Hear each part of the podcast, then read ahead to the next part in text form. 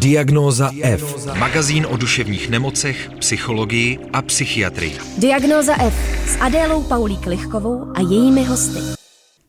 Dobrý den, vítám vás u dalšího vydání podcastu Diagnóza F, který dnes vydáváme u příležitosti oslavy 100 let pravidelného rozhlasového vysílání na našem území. Jak se v čase proměňuje způsob informování o duševním zdraví, nejenom v médiích? A jaký vliv to má na lidi, kteří se s duševními poruchami potýkají? O tom si budu povídat dnes s psychiatrem Tomášem Rektorem. Tomáši, vítej. Děkuju. Jak dlouho jsi psychiatrem? Velmi jednoduše se to počítá od roku 2000, takže 23 let. Proč jsi se rozhodl právě pro psychiatrii? Já jsem z medicínské rodiny a navíc z rodiny, kde spousta lidí má něco společného s mozkem, s neurologií, s psychiatrií nebo s psychologií. Eh, takže já v podstatě od malička jsem se rozhodoval mezi popelářem, kosmonautem a samozřejmě doktorem a velmi dlouho jsem věděl, že budu chtít dělat cokoliv jiného než psychiatrii. Protože, to ti nevyšlo? To mi úplně nevyšlo, protože mám vlastně rád lidskou mysl a říkal jsem si, že vlastně nebudu chtít se koukat na nemoci toho, co mám skutečně rád. A pak jsem dostal, myslím, od mámy eh, někdy v 15 nebo 16 Freuda. Přečetl jsem Freuda a zjistil jsem, že mě to fascinuje natolik, že bych se chtěl tedy tímto směrem vydat. A potom ještě další věc byla, že když člověk stážuje v podstatě kdekoliv v medicínských oborech, tak má pocit, že vlastně kdyby těm lidem lépe fungovala mysl, tak by možná tam nebyli kdyby tolik nekouřili, kdyby tolik nepili, kdyby si tolik nepřijídali, kdyby, kdyby sportovali, anebo přímo, kdyby neměli autonehody, sebevražedné pokusy. Takže vlastně je to taková ta cesta k těm, k té skutečné kauzalitě, k té pravé příčině těch nemocí. My asi úplně nebudeme vzpomínat na to, jak se o duševním zdraví mluvilo před stolety, protože to předpokládám nepamatujeme ani jeden, ale jak se o duševním zdraví mluvilo v médiích eh, v době, když si o těch věcech přemýšlel, když se rozhodoval. Chápu, že ten, to rozhodování měl ovlivněný taky tou rodinou, ale pamatuješ si, jak se v té době přemýšlelo a mluvilo v médiích? Vím, jak se mluvilo na veřejnosti. Na veřejnosti samozřejmě ten obor byl výrazně stigmatizován a já samozřejmě jako ta paměť je velmi zkreslená, zdeformovaná, ale já mám pocit, že se příliš nemluvilo o, o, o duševních poruch, poruchách, chorobách v té době, kdy jsem, kdy jsem dospíval, kdy mě to formovalo. A vlastně zpětně mě překvapuje, že když se člověk dívá na filmy z těch 90. let, tak tam přece jenom nějaký ten vraždící šílenec byl mnohem častější stereotyp, že vlastně ten člověk s tou duševní poruchou byl někdo, koho bylo potřeba izolovat, zavřít, nikoliv integrovat. Český rozhlas, co by médium veřejné služby o duševním zdraví informuje roky. Mimo jiné, současná dramaturgině diagnozy F. Terezie Jirásková dostala před časem za svou předchozí redaktorskou práci a popularizaci tématu duševního zdraví a destigmatizace deprese mezinárodní ocenění The Expert Platform on Mental Health Media Award. A tak bych se tě chtěla zeptat, když už mluvíme o tom rozhlasu, jestli ty vnímáš nějak konkrétně roli rozhlasu na poli informování o duševním zdraví u nás? Uh, tak samozřejmě diagnoza F mý, uh, mý pacienti, když se snaží vzdělávat, tak ono těch pořadů, které se zabývají duševním zdraví, tak uh, skutečně mnohem víc je toto mluvené slovo než nějaký ten obraz. A navíc to mluvené slovo skutečně má takovou tu jako velmi příjemnou front, formu, že se dá poslouchat, vnímat kdekoliv, během vaření, během řízení, během běhu, během jakýkoliv činností. Takže ano, mý pacienti se snaží v tomto vzdělávat a většinou ta nejčastější forma je skutečně to mluvené slovo, protože on ten obraz vlastně je tam trošku nadbytečný taky. A jim třeba doporučuješ nějaký podcasty, rozhovory, něco, co jsi někde slyšel? Kromě diagnózy F. Uh, ne. Uh, Děkuju. Já, já jsem ten člověk, který uh, ta psychoterapie, jak já ji vnímám, tak my máme těm lidem vlastně toho doporučovat co nejméně. Máme ty lidi skutečně tím procesem provázet a Eh, spíš se s nimi bavím o tom, co oni si vlastně našli. Protože vlastně ve chvíli, kdy já jim doporučím nějaký konkrétní směr, tak mm, já toho člověka vlastně, já ho nemám takhle směřovat. Eh, mluvíme o českých médiích, ale zajímá mě, jestli máš nějakou zkušenost se zahraničními médii. Jak se třeba tohle komunikuje, tohle téma komunikuje jinde? Vím, že v minulosti mý klienti hodně poslouchali zahraniční zdroje, kde měli pocit, že, ta, že ty informace jsou výrazně kvalitnější. Já mám pocit, že teď, pokud člověk mluví česky, preferuje české zdroje, pokud nemluví česky, po, po, poslouchá zahraniční zdroje. Samozřejmě, že to spektrum v tom anglosaském světě těch informací bude výrazně eh, širší, ale je tam spíš rozdíl v té kvantitě, nikoli v té kvalitě nebo v tom, nebo v tom zaměření. Já si myslím, že v Čechách jak ta péče, tak, ten, tak ty informační zdroje jsou velmi kvalitní.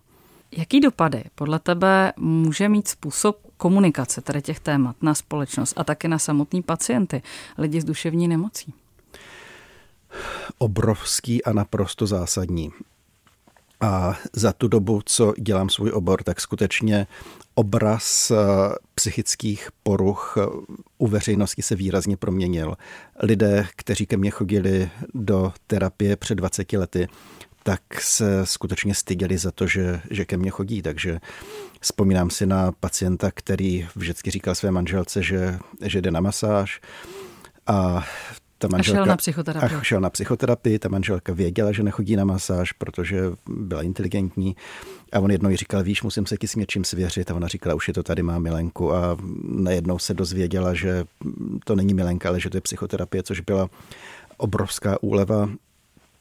Bylo období, když jsem začínal, kdy 80% mých klientů byli gejové, protože ti byli zvyklí mezi sebou sdílet svého kadeřníka, svého, svého kožaře, svého, svého psychiatra, protože přece jenom, když už prošli tím procesem toho coming outu, styděli se za nás, za nás méně, ale ten obraz se mění naprosto zásadně.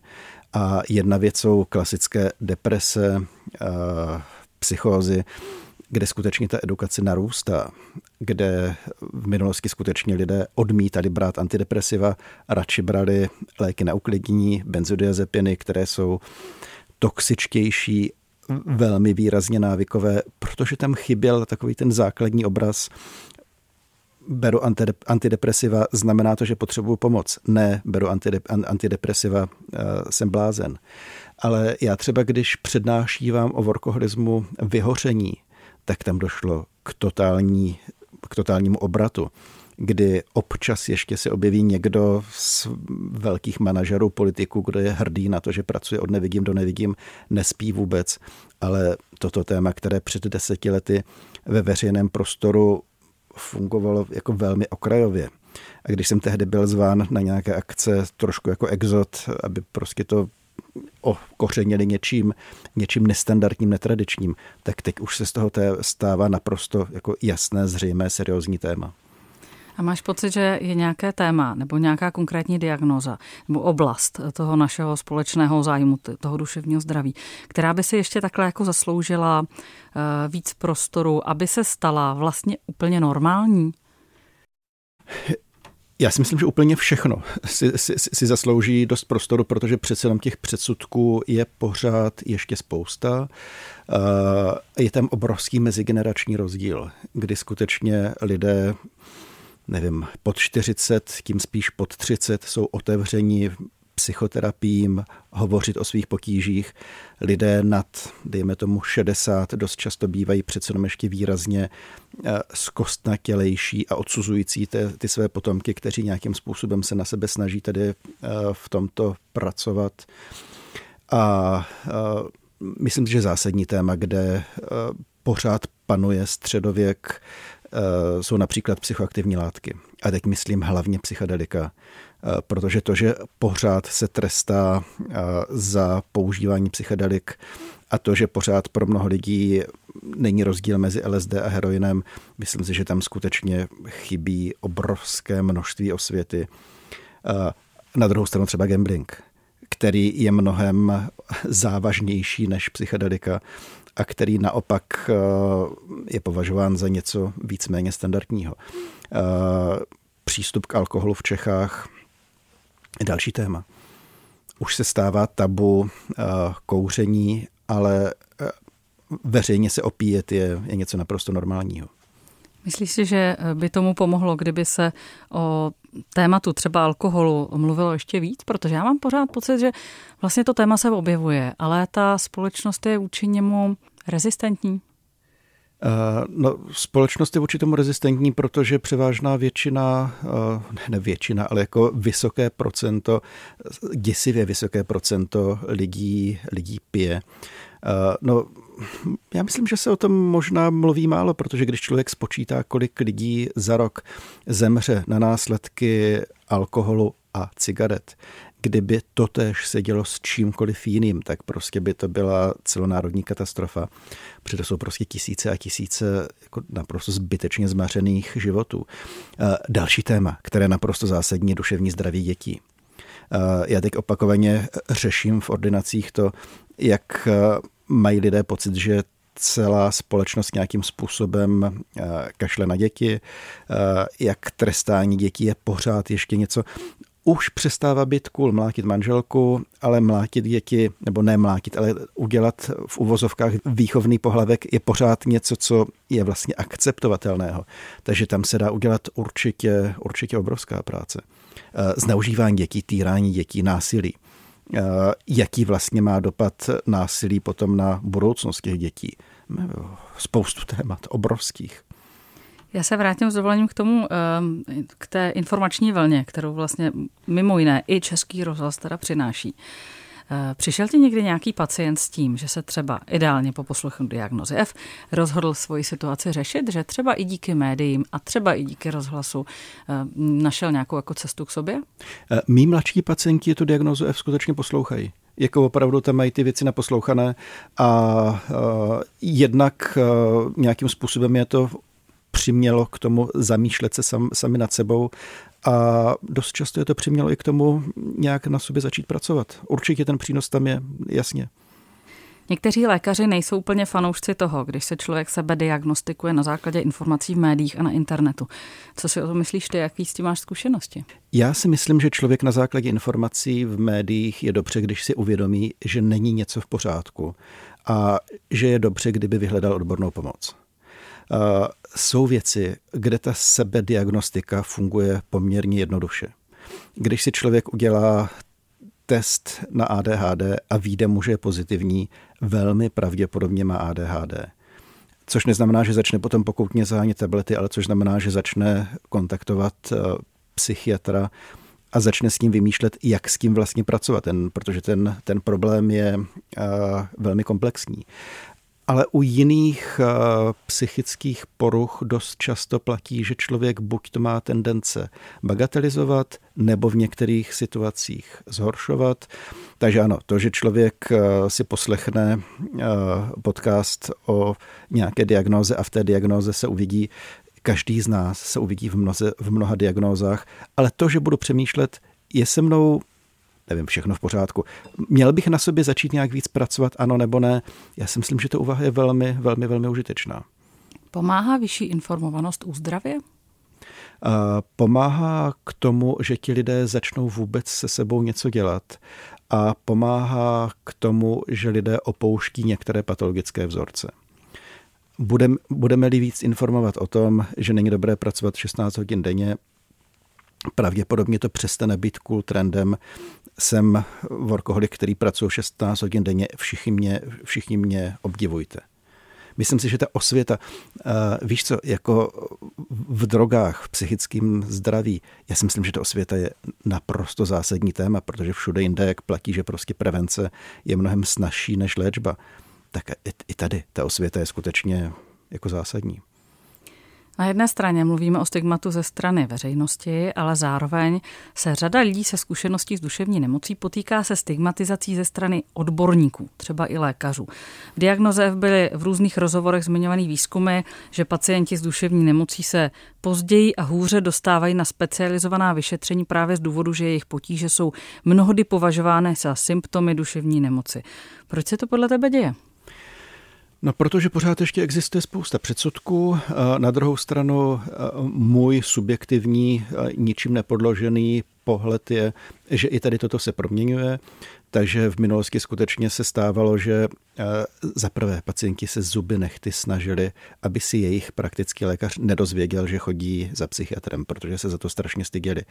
A Občas se mně skutečně stane, že za mnou přijde člověk, eh, který má nějaké psychické onemocnění a zároveň nějaké fyzické a všichni chtějí, aby to řešili jenom s tím psychiatrem, protože v tu chvíli nevěří tomu jeho fyzickému utrpení. Ale skutečně mám pocit, že je to minimálně tam, kde já pracuji v centru Prahy, že to je spíš už okrajový fenomén, nikoli v dominantní, jako byl předtím. Co můžeme udělat pro to, aby už se to třeba ideálně vůbec nedělo? Edukovat, edukovat, mluvit o tom, pokračovat, eh, nahrávat eh, další podcasty, vysílat to do éteru. Eh, no, protože psychosomatika má v podstatě jako jasné identifikační kritérium. Psychosomatika to je ve chvíli, kdy já vyloučím somatickou příčinu.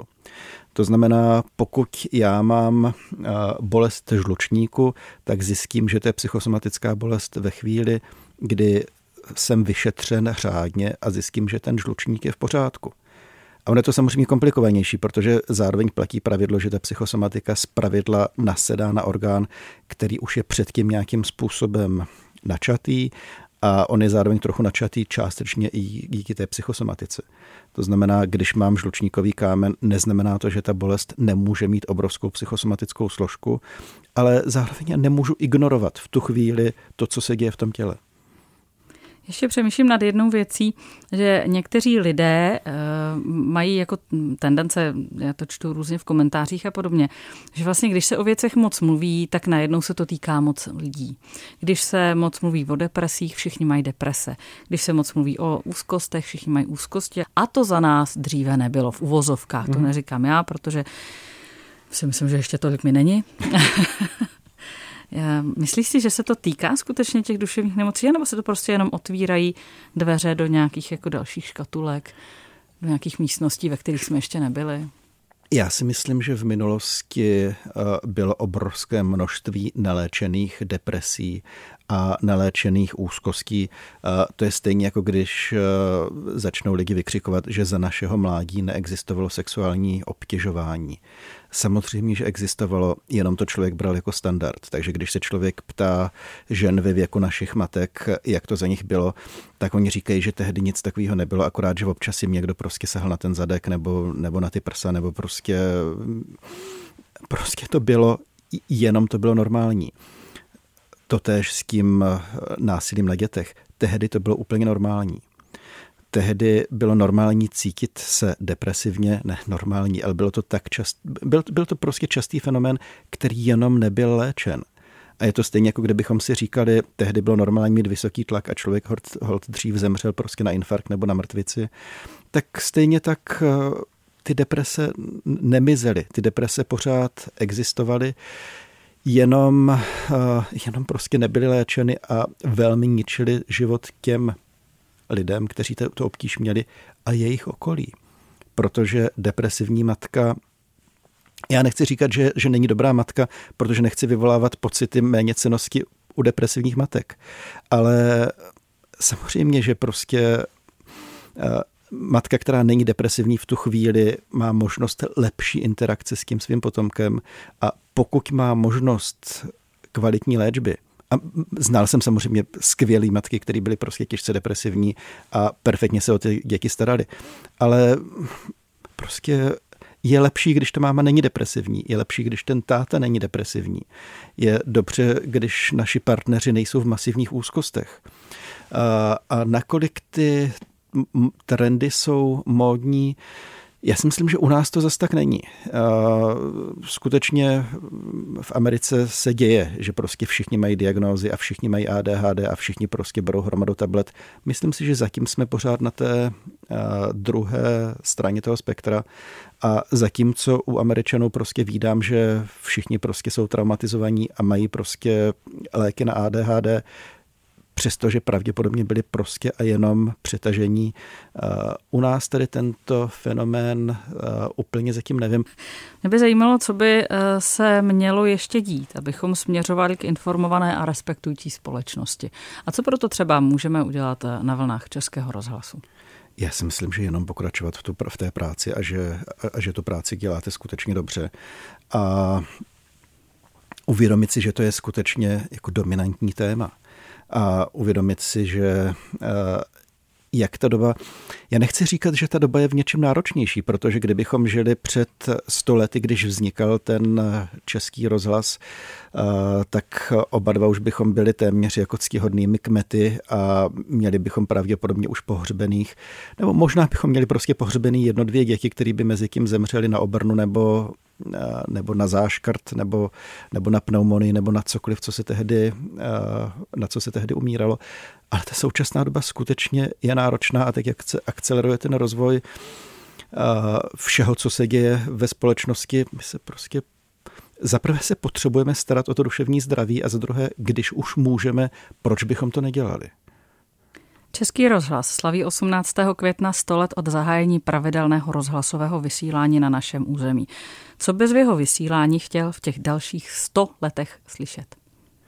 Uh, já bych toho chtěl slyšet strašně moc. Já jsem spíš na mluvené slovo než na hudbu, takže bych samozřejmě chtěl slyšet vedle kvalitní hudby. Chtěl bych slyšet kvalitní spravodajství, uh, protože já teď opakovaně narážím na to, jak ta novinařina, kvalitní novinařina, jak je nesmírně náročná a ubývá reklamního prostoru, uh, objevuje se víc a víc dezinformací, takže myslím si, že kvalitní spravodajství je jeden ze základních pilířů společnosti.